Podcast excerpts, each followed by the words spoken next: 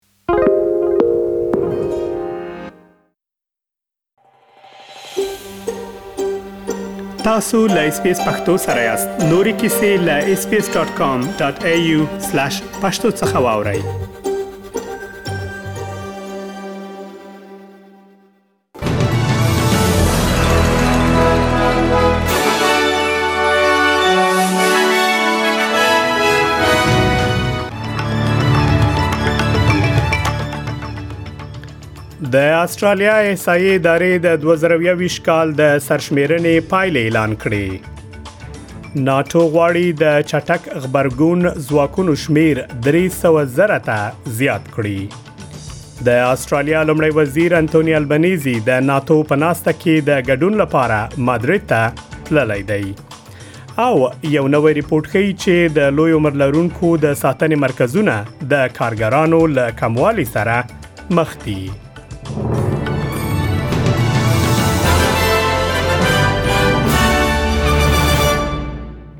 اوس هم پام وکړئ بشپړ خبرونه ته د 2020 کال د تر سره شوی سرشمیرنې پایلې نن د سې شنبه په ورځ د استرالیا د احصایې ادارې لخوا اعلان شوې د 2020 کال سرشمیرنه ښیي چې د استرالیا د 18.2 سلنه اوسیدونکو له والدینو څخه یو مور یا پلار په بهر کې زیږیدلی او بیا استرالیا ته کډه شوې دي امر ښیي چې د استرالیا و 20.8 سلنه اوسیدونکو له دغه هیواد څخه بهر پیدا شوي او له هغه وروسته دغه هیواد ته راغلي او خپل ژوند یې پیل کړی دی د 2021 کال د احصایې امر ښیي چې د سرشمیرنې پر مهال د استرالیا نفوس 15 میلیونه 422980 کسانو ته رسیده پرته له هغو کسانو چې استرالیا ته د سیل لپاره راغلی و د غامار خي چې په تیرو 500 کلونو کې د استرالیا نفوس دوه برابره زیات شوی دی د استرالیا د احصایې له ادارې څخه تریسا دینګسن وایي د هغو کسانو شمیر چې اول نسل دی بهر کې پیدا شوی بیا استرالیا ته راغلی او دوهم نسل چې یو مور یا پلار په بهر کې پیدا شوی دی زیات شوی او ل 50 سلنه څخه The number of us who are first generation Australians, those born overseas, and second generation Australians, those with one or, one or both parents born overseas, which includes me, has grown and is now over half the Australian population. ناټو غواړي د چټک خبرګون ځواکونو شمیر 300 زره ته زیات کړي د ناټو عمومي منشي ینس سټوتلبرګ له رسنیو سره په خبرو کې ویلي چې د ناټو متحدین غواړي د دې تړون د چټک خبرګون د ځواکونو شمیر 300 زره ته زیات کړي اوس مهال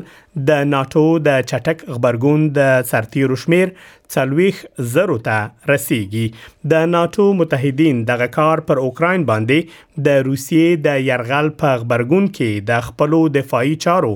د غښتلي کولو په خاطر کوي د ناتو عمومي منشي وایي روسیا له هغه مشارکت او ډیالوګ څخه وتلې چې ناتو یې له ډیرو کلونو راځي هڅه کوله. ښاغلی سټولنبرګ وايي، درې سوه زره ته د سرتېرو زیاتوالی د روسیې د تېري حقیقت ته یو اړین ځواب دی. هغه وايي تمه لري ترڅو په دغه کار سره واضح شي چې متحدین یې روسیه خپل امنیت ته تر ټولو مهم او مستقیم ګواښ کړي Our new concept will guide us in an era of strategic competition. I expect it will make clear that allies consider Russia as the most significant and direct threat to our security. د استرالیا لمړی وزیر انټونی البنیزی د ناتو په ناسته کې د ګډون لپاره مادرید ته تللی دی استرالیا د ناتو غړیتوب نه لري مګل مګر خغلی البنیزی د نیوزیلند جاپان او جنوبي کوریا لمشرانو سره یو ځای په رسمي ډول د ناتو په ناسته کې ګډون کړی دی اروپا ته د سفر پر مهال نوموړي په دوبۍ کې له استرالیایي ځواکونو سره هم لیدنه تر سره کړې او په منځني ختیځ کې د دوی له خدمتونو مننه کړې ده خغلی البنيزي اروپا ته د سفر پر مهال له خبريالانو سره په خبرو کې ویلي چې اوس مهال په اوکراین کې د یوس د روسیې د تیری لامل رامنځته شوی حالت د هغه ناامنه نړۍ یادونه ده چې موږ پکې ژوند کوو at the moment uh, caused uh, by uh, Russia's aggression in Ukraine is a reminder of the unsafe world that we live in, and that our values of maintaining international rule of law, of maintaining a sense of order uh, in, uh, in the global environment, is one that can't be taken for granted. Uh, it does have to be defended.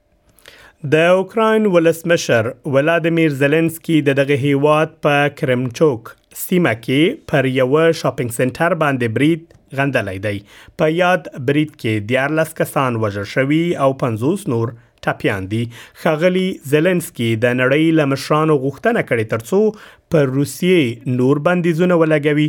او د یو تروریست هیواد په توګه ورسره چلند وشي This morning I appealed to the United States to recognize Russia as a state that sponsors terrorism. The relevant resolution is approved by a US Senate committee and a legal decision can be made by the State Department. And such a decision is clearly needed and it must be supported by the entire democratic world. I told this to the participants of the G7 summit which took place in Germany. په افغانستان کې له زلزله ځپلو افغانانو سره یوه محدود اندازه مرستې پیل شوې دي د خوړو نړیوال سازمان وایي اتلس لارۍ خوراکي مواد هغو سیمو ته استول شوي چې خلک پکې زیانمن شوي دي د خوړو د نړیوال سازمان ویانده شيري چکرل وایي چې افغانستان له مخکې د جګړې وچکالۍ او وبا لامل له امله زیانمن شوی و، مګر دغې پېښې بار نور هم زیات کړ. هغه وايي، له همدې امله له نړیوالې ټولنې غوښتنه لري ترڅو د افغانستان خلک هېر نه کړي او له هغو سره مرستو ته دوام ورکړي چې ستاسو مرستې ته سخته اړتیا لري. Afghanistan was already reeling from decades of conflict, years of drought, the pandemic, and now this crippling economic crisis. So the earthquake has really added additional burden to resources, to food assistance, and this is why we appeal to the international community to please not to forget Afghanistan and please to continue to support the people here who desperately need your help.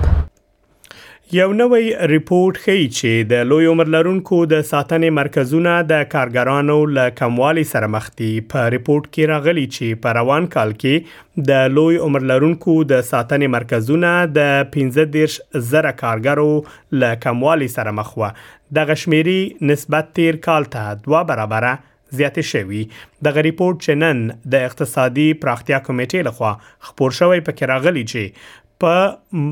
په دغه برخه کې کارګران شتون په معیار نه لري د دغه کمیټې اقتصاد پو کساندرا وینزر اس پی اس نیوز ته ویلي چې په دې برخه کې لا ډیرو هڅو ته اړتیا شته نو موړي وای هغه ژمنې چې د البنیزي حکومت د پاملرنې سکتور کیفیت خوالي لپاره کړې دي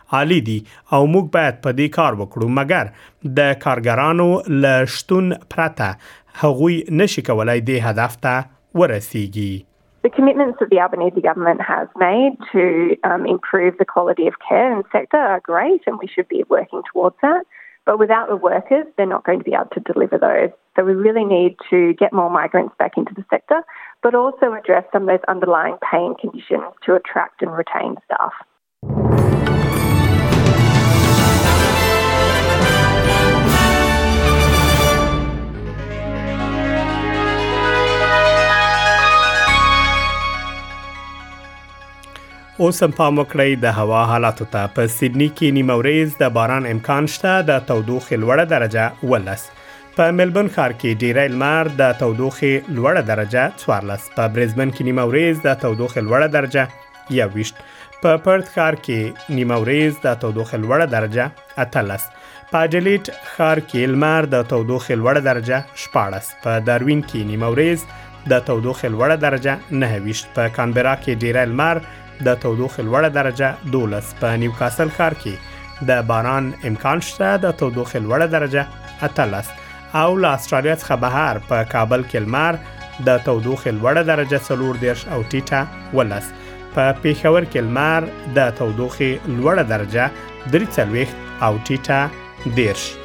د هم د استرالیي ډالر پر وړاندې د نورو اسعارو بیه د استرالیا یو ډالر 9 شپېته امریکایي سنټه یو استرالی ډالر 15 شپېته یورو سنټه او شپږ 50 بریټانوي پنسه د استرالیا یو ډالر څلور پنځوس هندیو کلدارو او یو سلو درې څلوېښت پاکستانیو کلدارو سره برابرېږي او د استرالیا یو ډالر یو شپېته افغانۍ کېږي خبرونه همدومره و له ملتیا مو مننه کوم